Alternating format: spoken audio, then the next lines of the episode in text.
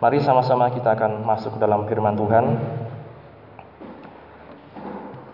Bila Bapak Ibu sudah sekalian mengikuti dari awal tahun ya sampai sekarang kita masih dalam tema besar yaitu membangun dengan dasar yang benar.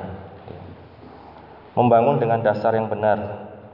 Dan di minggu lalu meskipun secara online Bapak Ibu kita belajar untuk membangun memperhatikan waktu. Waktu yang diberikan Tuhan. Waktu ini bukan punya kita.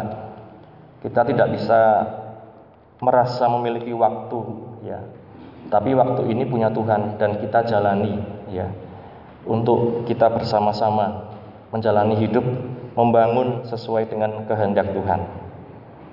Dan pada pagi hari ini Bapak Ibu dalam hubungannya juga, juga dengan perjamuan kudus kita akan masuk dalam satu bahasan yaitu membangun dengan hati nurani yang bersih.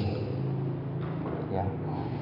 Membangun dengan hati nurani yang bersih. Ya. Sebelum kita masuk kepada slide berikutnya, kita buka satu ayat di dalam Yehezkiel pasal yang ke-36. Yehezkiel pasal 36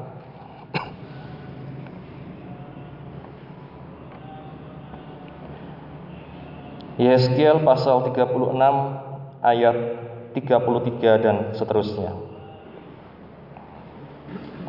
Yeskiel pasal 36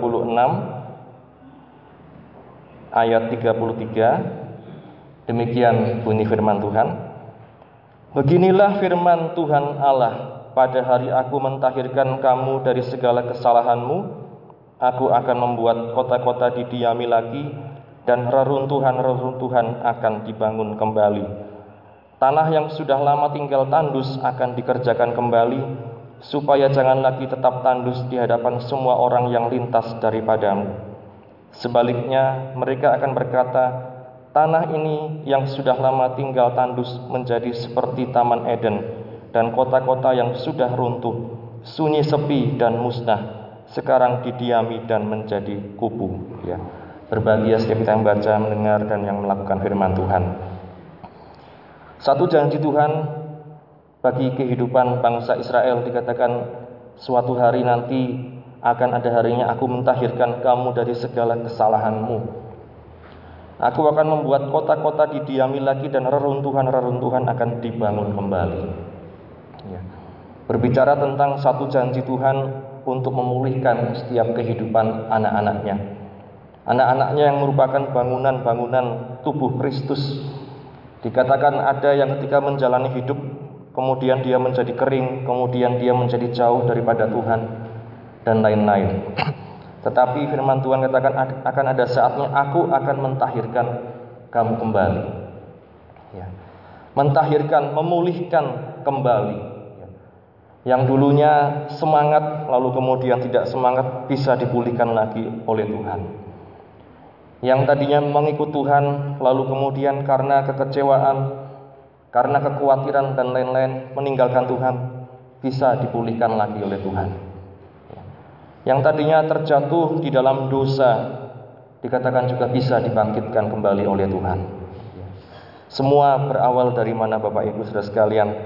Semua berawal dari pemulihan yang namanya hati nurani. Ya. Satu lagi kita baca dalam ayat yang ke-25 Yeskiel 36 ayat 25 Aku akan mencurahkan kepadamu air jernih yang akan mentahirkan kamu dari segala kenajisanmu dan dari semua berhala-berhalamu. Aku akan mentahirkan kamu. Kamu akan kuberikan hati yang baru dan roh yang baru di dalam batinmu. Dan aku akan menjauhkan dari tubuhmu hati yang keras dan kuberikan kepadamu hati yang taat. Rohku akan kuberikan diam di dalam batinmu dan aku akan membuat kamu hidup menurut segala ketetapanku dan tetap berpegang pada peraturan-peraturanku dan melakukannya. Ya. Diberikan Tuhan dikatakan bukan hal-hal lain tapi dikatakan kamu akan kuberikan hati yang baru dan roh yang baru. Ya. Karena memang Bapak Ibu saudara sekalian ini yang menjadi inti dari kehidupan anak-anak Tuhan, manusia, umat Tuhan. yaitu hati ya.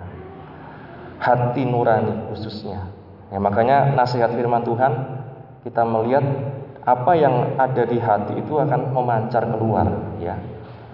Dari hati memancar ke luar. Ya. Jadi Bapak Ibu dari hati memancar keluar.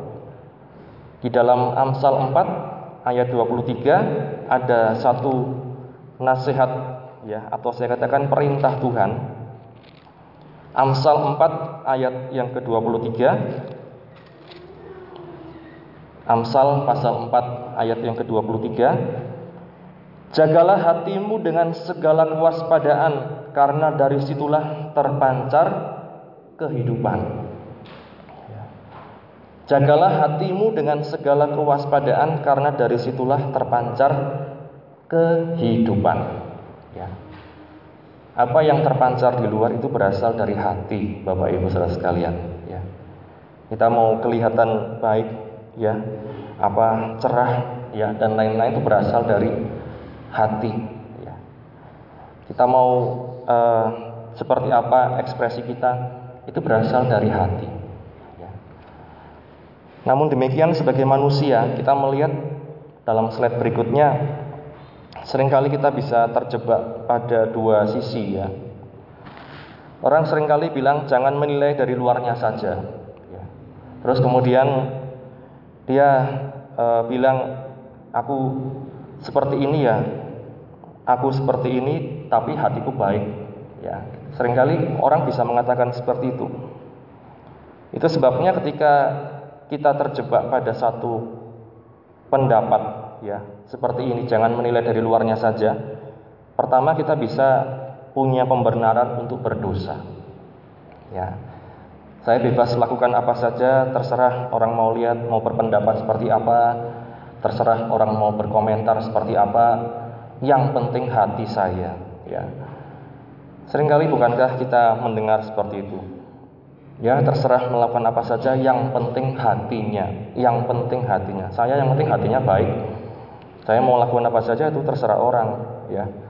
Komentarnya orang seperti apa yang penting hati saya baik. Ya ini kutub yang pertama. Kutub yang kedua dikatakan ada juga orang yang hanya memperhatikan luarnya saja. Akhirnya dia justru menjadi pribadi yang munafik. Dia hanya mementingkan tampilan luarnya saja. Dia hanya pentingkan apa yang ditampilkan di luar sehingga dikatakan munafik ya istilahnya seperti ini. Munafik tidak ada kata lain yang lebih tepat ya selain munafik. Di luar baik, di dalam jelek. Di luar mengatakan yang baik, di dalam ngerundel yang jelek. Ya. Ini dikatakan Bapak Ibu yang satu dikatakan berbuat semaunya, kemudian berkata yang penting hati saya baik. Yang satu ber, berkata saya baik ya. Yang penting terlihat baik pokoknya. Ini jatuh ke dalam dua kutub yaitu kemunafikan dan juga ketidakpedulian. Ya, padahal firman Tuhan katakan apa? Di Matius pasal 5 ayat 13 sampai 16 ya. Tuhan Yesus katakan bahwa kita ini adalah terang dunia. Matius pasal 5 ayat 13 sampai 16 ya. Matius pasal 5 ayat 13 sampai 16 Kamu adalah garam dunia ya. Matius pasal 5 ayat 13 sampai 16 Kamu adalah garam dunia jika garam itu menjadi tawar dengan apakah ia diasinkan, tidak ada lagi gunanya selain dibuang dan diinjak orang. Kamu adalah terang dunia, kota yang terletak di atas gunung tidak mungkin tersembunyi. Lagi pula orang tidak menyalakan pelita, lalu meletakkannya di bawah gantang, melainkan di atas kaki dian, sehingga menerangi semua orang di dalam rumah itu. Demikianlah hendaknya terangmu bercahaya di depan orang supaya mereka melihat perbuatanmu yang baik dan memuliakan Bapamu yang di sorga. Ya. Artinya apa Tuhan Yesus katakan kita ini terang dunia Bapak Ibu saudara sekalian.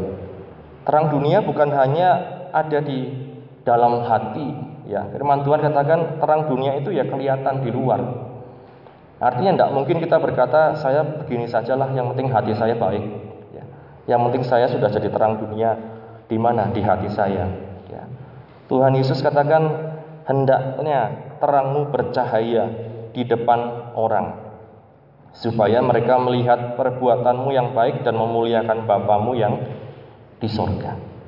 Ya, ini kutub yang pertama, Bapak Ibu. Kalau yang kedua, kita melihat seperti ahli Taurat dan orang Farisi. Tuhan Yesus katakan engkau meminta orang lain melakukan ini dan itu tapi engkau sendiri tidak melakukannya. Engkau melakukan ini itu tapi dalam kehidupan sehari-hari engkau justru tidak melakukannya. Itu sebabnya Tuhan Yesus mencela kehidupan orang Farisi dan ahli Taurat. Nah, ini Bapak Ibu sudah sekalian dari kedua hal ini, dari kedua tipe ini, contoh ini kita melihat bahwa dua-duanya ini bukan sesuai dengan apa yang dikatakan firman Tuhan. Ya.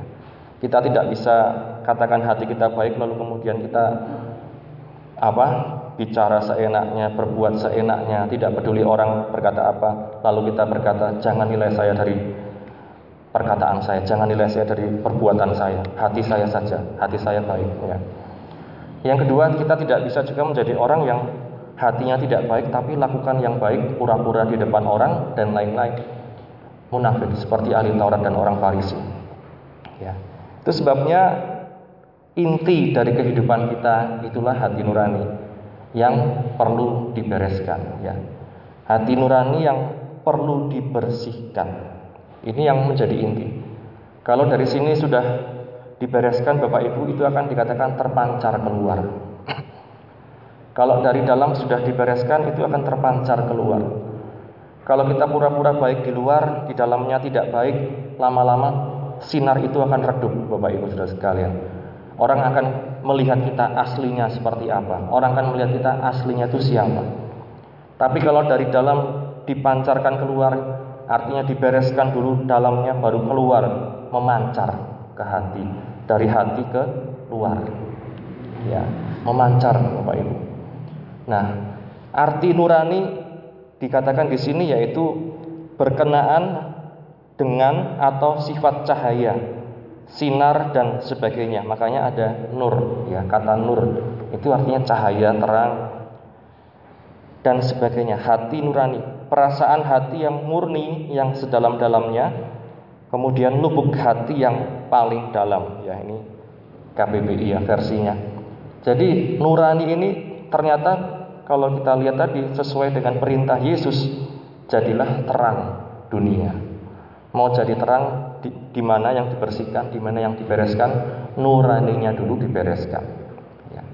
Yang paling dalam dulu dibereskan, dibersihkan. Tapi masalahnya Bapak Ibu sering kali kalau kita punya luka, luka yang menganga, kalau dibersihkan, bagaimana rasanya? Sakit ya. Dibersihkan dengan apa itu e, alkohol atau NaCl dan lain-lain sering kali bisa sakit. Itu proses pembersihan. Ya. Karena apa? Ini yang bagian paling dalam, Bapak Ibu. Kalau nurani kita dikatakan ada satu masalah, ini akan terpancar juga keluar. Ya. Maka perlu benar-benar kita perhatikan nurani yang paling dalam, yang orang lain tidak bisa lihat.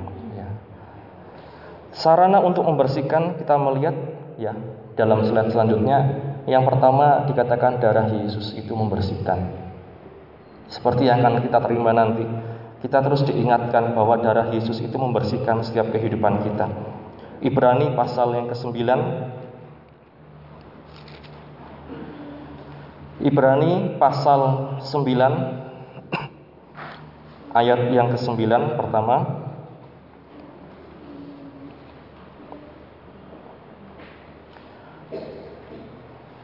Ibrani pasal 9 ayat 9 itu adalah kiasan masa sekarang, maksudnya kemah suci dengan segala perabotannya.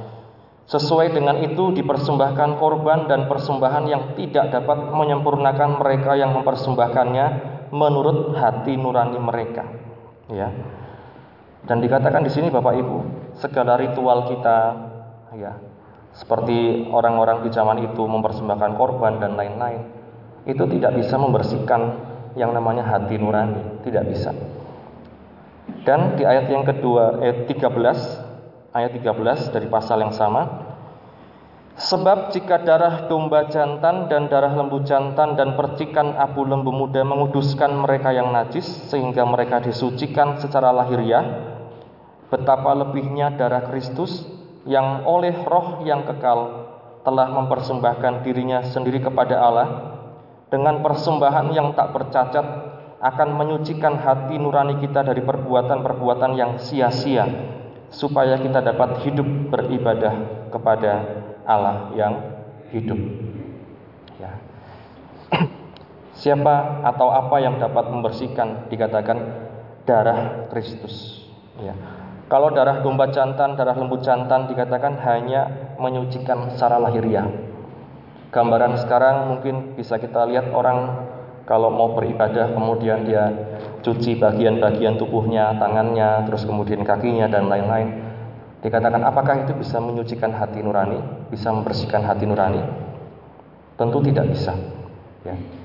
Tapi kita melihat di sini darah Kristus oleh Roh yang kekal dikatakan akan menyucikan hati nurani kita dari perbuatan yang sia-sia supaya kita dapat beribadah kepada Allah yang hidup. Ini Bapak Ibu Saudara sekalian. Itu sebabnya kita sering kali diingatkan ya tentang tubuh dan darah Yesus, tentang perjamuan kudus. Kita diingatkan untuk apa? Ingat selalu hati nurani kita. Ya. Bahwa hanya darah Yesus yang bisa menyucikan hati nurani kita. Yang tidak bisa dilihat orang, yang tidak bisa dilihat siapa pun, termasuk orang-orang yang paling dekat dengan kita. Tidak bisa dilihat suami, istri, dan lain-lain. Hati nurani. Ya. Dan Bapak Ibu saudara sekalian, kita melihat betapa pentingnya darah Yesus ini dalam kehidupan setiap kehidupan kita ya. Kemudian di pasal 10 dari Ibrani pasal 10 ayat yang ke-22 pasal 10 ayat yang ke-22 Karena itu marilah kita menghadap Allah dengan hati yang tulus ikhlas dan keyakinan iman yang teguh oleh karena hati kita telah dibersihkan dari hati nurani yang jahat dan tubuh kita telah dibasuh dengan air yang murni ya. jadi Bapak Ibu dikatakan tubuh kita telah dibasuh dengan air yang murni bukan lagi dengan air yang biasa hati kita telah dibersihkan dari hati nurani yang jahat itu sebabnya tadi dalam Yeskel dikatakan aku akan mencurahkan air yang jernih. Itulah penyucian dari korban Kristus, Bapak Ibu. Tidak ada yang bisa menyucikan, tidak ada yang bisa uh, membenarkan kita selain korban Kristus. Ya. Kemudian kita melihat Bapak Ibu yang kedua adalah firman Tuhan. Ya. Firman Tuhan dalam Yohanes pasal yang ke-15 Yohanes pasal yang ke-15 ayat yang kedua.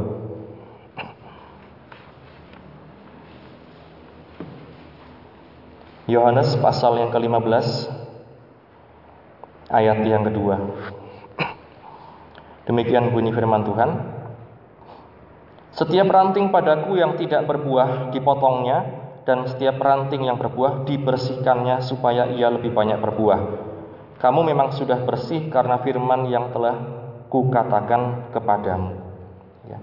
Firman Tuhan itu membersihkan juga. Maka ada nasihat bacalah firman Tuhan setiap hari. Ya. Kita mandi saja Bapak Ibu bisa sehari dua kali, tiga kali, ya paling tidak sekali ya kita bisa mandi berkali-kali. Apakah kemudian kita mandi sekali cukup untuk setahun? Ya. Seringkali orang juga berkata firman Tuhan, ya udah baca hanya waktu ke gereja, hanya waktu minggu. Apakah cukup ya firman Tuhan ini untuk membersihkan setiap kehidupan kita?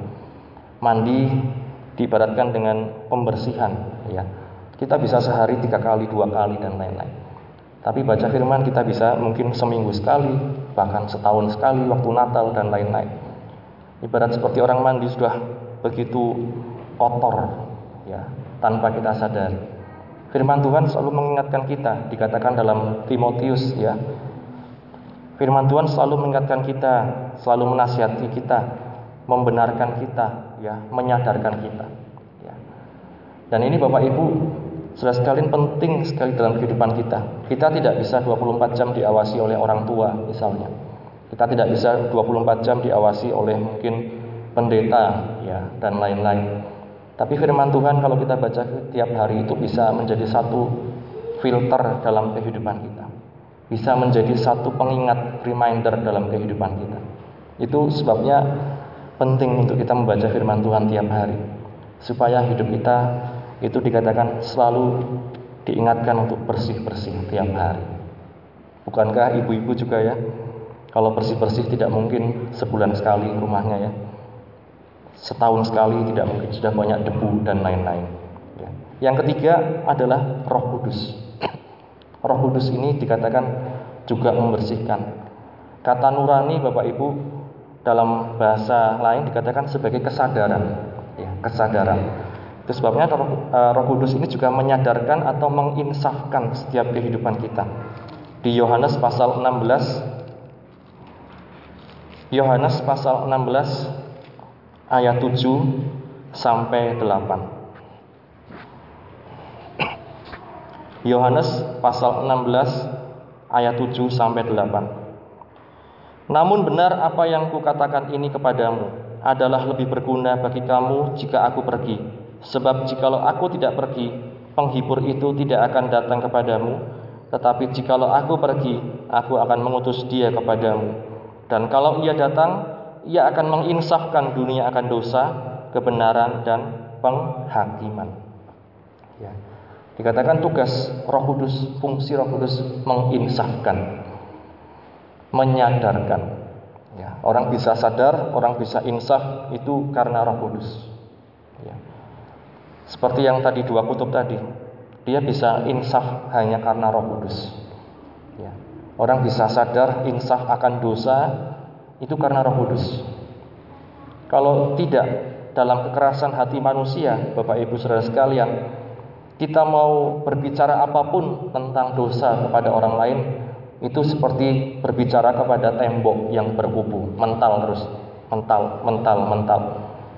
Dinasehati mental, ya mental terus. Karena apa? Roh Kudus tidak diizinkan untuk menginsafkan. ya. Kalau Roh Kudus ada dalam hati kita menginsafkan, dia akan berbicara dengan caranya sendiri. Masalahnya Roh Kudus sering kali sangat lembut berbicaranya Bapak Ibu.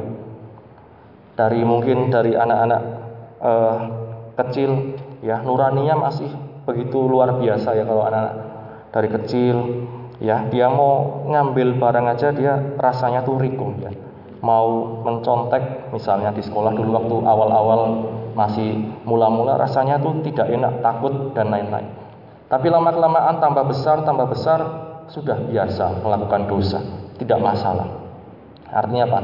Hatinya menebal menebal menebal ya. Hati nuraninya mulai dikatakan tertutup dengan berbagai macam hal Nah ini Bapak Ibu, tiga hal ini saya katakan sangat penting untuk kita melakukan koreksi diri sendiri. Ya. Untuk kita melakukan koreksi dari dalam hati kita sendiri. Pertama apa? Darah Yesus. Yang kedua, firman Tuhan. Yang ketiga, Roh Kudus. Masalahnya Bapak Ibu Saudara sekalian, sering kali orang kalau diingatkan dari diri sendiri itu sering kali tidak mudah. Ya. Seringkali kalau disuruh untuk otokritik namanya ya, autokritik yaitu mengkritik diri sendiri. Zaman sekarang orang sering kali mudah untuk mengkritik orang lain tapi mengkritik dirinya sendiri susah ya. Mudah untuk ngatain orang lain tapi ngatain diri sendiri tidak mudah. Melihat kesalahan orang lain mudah, tetapi kesalahan diri sendiri tidak mudah dilihat ya. Dikoreksi sendiri tidak mudah. Terus sebabnya yang keempat dikatakan sering kali Tuhan pakai satu cara, yaitu yang namanya peristiwa hidup. Peristiwa hidup. peristiwa hidup, kejadian-kejadian hidup. Untuk apa? Menyadarkan orang. Contohnya siapa? Anak hilang. Ya, si anak hilang. Lukas pasal 15. Lukas pasal yang ke-15 Lukas pasal 15 akan saya bacakan mulai dari ayat yang ke-13 Lukas pasal 15 ayat 13 Beberapa hari kemudian anak bungsu itu menjual seluruh bagiannya itu lalu pergi ke negeri yang jauh. Di sana ia memboroskan harta miliknya itu dengan hidup berfoya-foya. Setelah dihabiskannya semua timbullah bencana kelaparan di dalam negeri itu dan ia pun mulai melarat lalu ia pergi dan bekerja pada seorang majikan di negeri itu Orang itu menyuruhnya ke ladang untuk menjaga babinya. Lalu ia ingin mengisi perutnya dengan ampas yang menjadi makanan babi itu, tetapi tidak seorang pun yang memberikannya kepadanya. Lalu ia menyadari keadaannya, katanya, betapa banyaknya orang upahan bapakku yang berlimpah-limpah makanannya, tetapi aku di sini mati kelaparan. Ya. Anak hilang Bapak Ibu si anak bungsu ini dikatakan menjual seluruh bagian hartanya memboroskan hartanya, berfoya-foya, kemudian apa Tuhan berikan kejadian-kejadian atau peristiwa hidup. Pertama dikatakan apa? Timbul bencana kelaparan di negeri. Ya. Kemudian dikatakan apa? Anak hilang itu mulai melarat. Kemudian mulai apa? Dikatakan lalu ia menghambakan diri kepada seorang majikan menghambakan diri kepada seorang majikan kemudian apa disuruh ke ladang menjaga babi sampai kemudian satu titik dikatakan ia ingin mengisi perutnya dengan ampas yang menjadi makanan babi itu ya. Kalau kita bayangkan bapak ibu dari seorang yang foya-foya makan enak segalanya mungkin badannya uh, bagus ya tapi kemudian bencana kelaparan melarat, menghambakan diri, kemudian sampai ingin ampas babi. Kejadian, peristiwa hidup. Kalau sering kali Bapak Ibu kita tidak bisa melakukan autokritik pada diri kita sendiri, kita tidak bisa mengoreksi diri kita sendiri sering kali karena kasihnya ya saya katakan bukan karena Tuhan kejam bukan karena Tuhan tidak baik tapi justru karena kasih Tuhan yang mengizinkan adanya peristiwa-peristiwa hidup dalam kehidupan kita. Untuk apa? Untuk kita bisa merendahkan hati di hadapan Tuhan. Yang dulu si anak bungsu kalau mau makan tinggal perintah orang, sekarang dia bahkan makan ampas babi saja tidak bisa. Melarat, ya, kelaparan dan lain-lain. Ini kita lihat Bapak Ibu Saudara sekalian, tidaklah perlu sampai seperti ini kita alami kalau kita sudah lebih dahulu bersama-sama dengan Tuhan ya. Kita lebih dahulu mengikut Tuhan dalam kehidupan kita ya. Satu ayat yang eh, dikatakan oleh pemazmur di dalam Mazmur 119 Mazmur 119 ayat yang ke-67. Mazmur 119 ayat yang ke-67.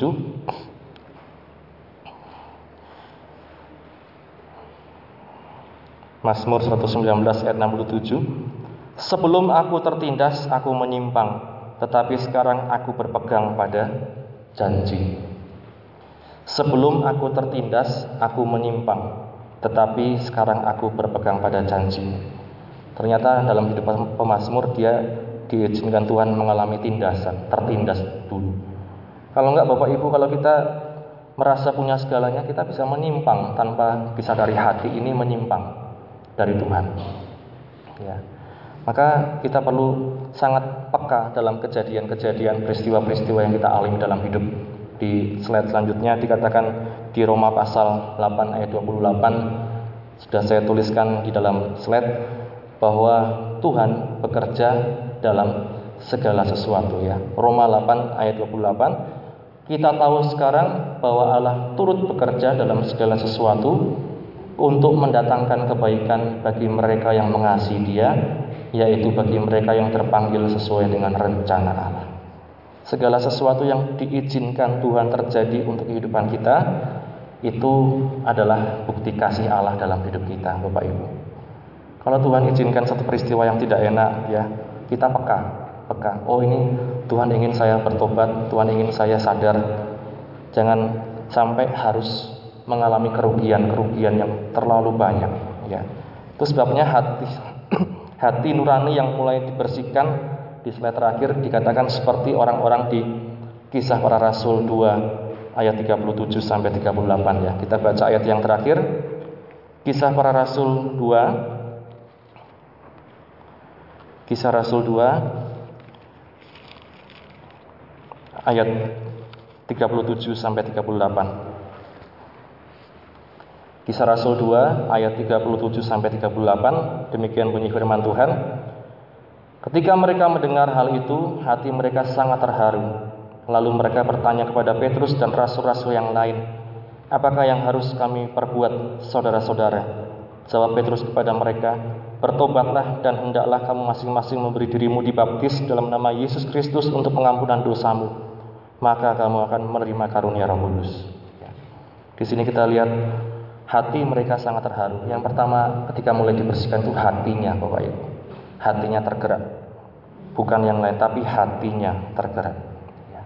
Karenanya Bapak Ibu sudah sekalian, ketika kita dengar firman Tuhan, ketika kita menerima perjamuan kudus, ketika kita melakukan puji-pujian, adakah hati kita tergerak untuk terus diingatkan tentang kebenaran firman Tuhan? Ya. Adakah hati kita terus tergerak untuk ingat pada apa yang menjadi janji Tuhan dalam kehidupan kita. Amin. Firman Tuhan yang telah kita baca dan dengarkan, biarlah setiap kehidupan kita selalu rindu untuk dibersihkan oleh Tuhan, ya, oleh darahnya, oleh Roh Kudus, oleh firman Tuhan, dan setiap peristiwa maupun kejadian hidup kita.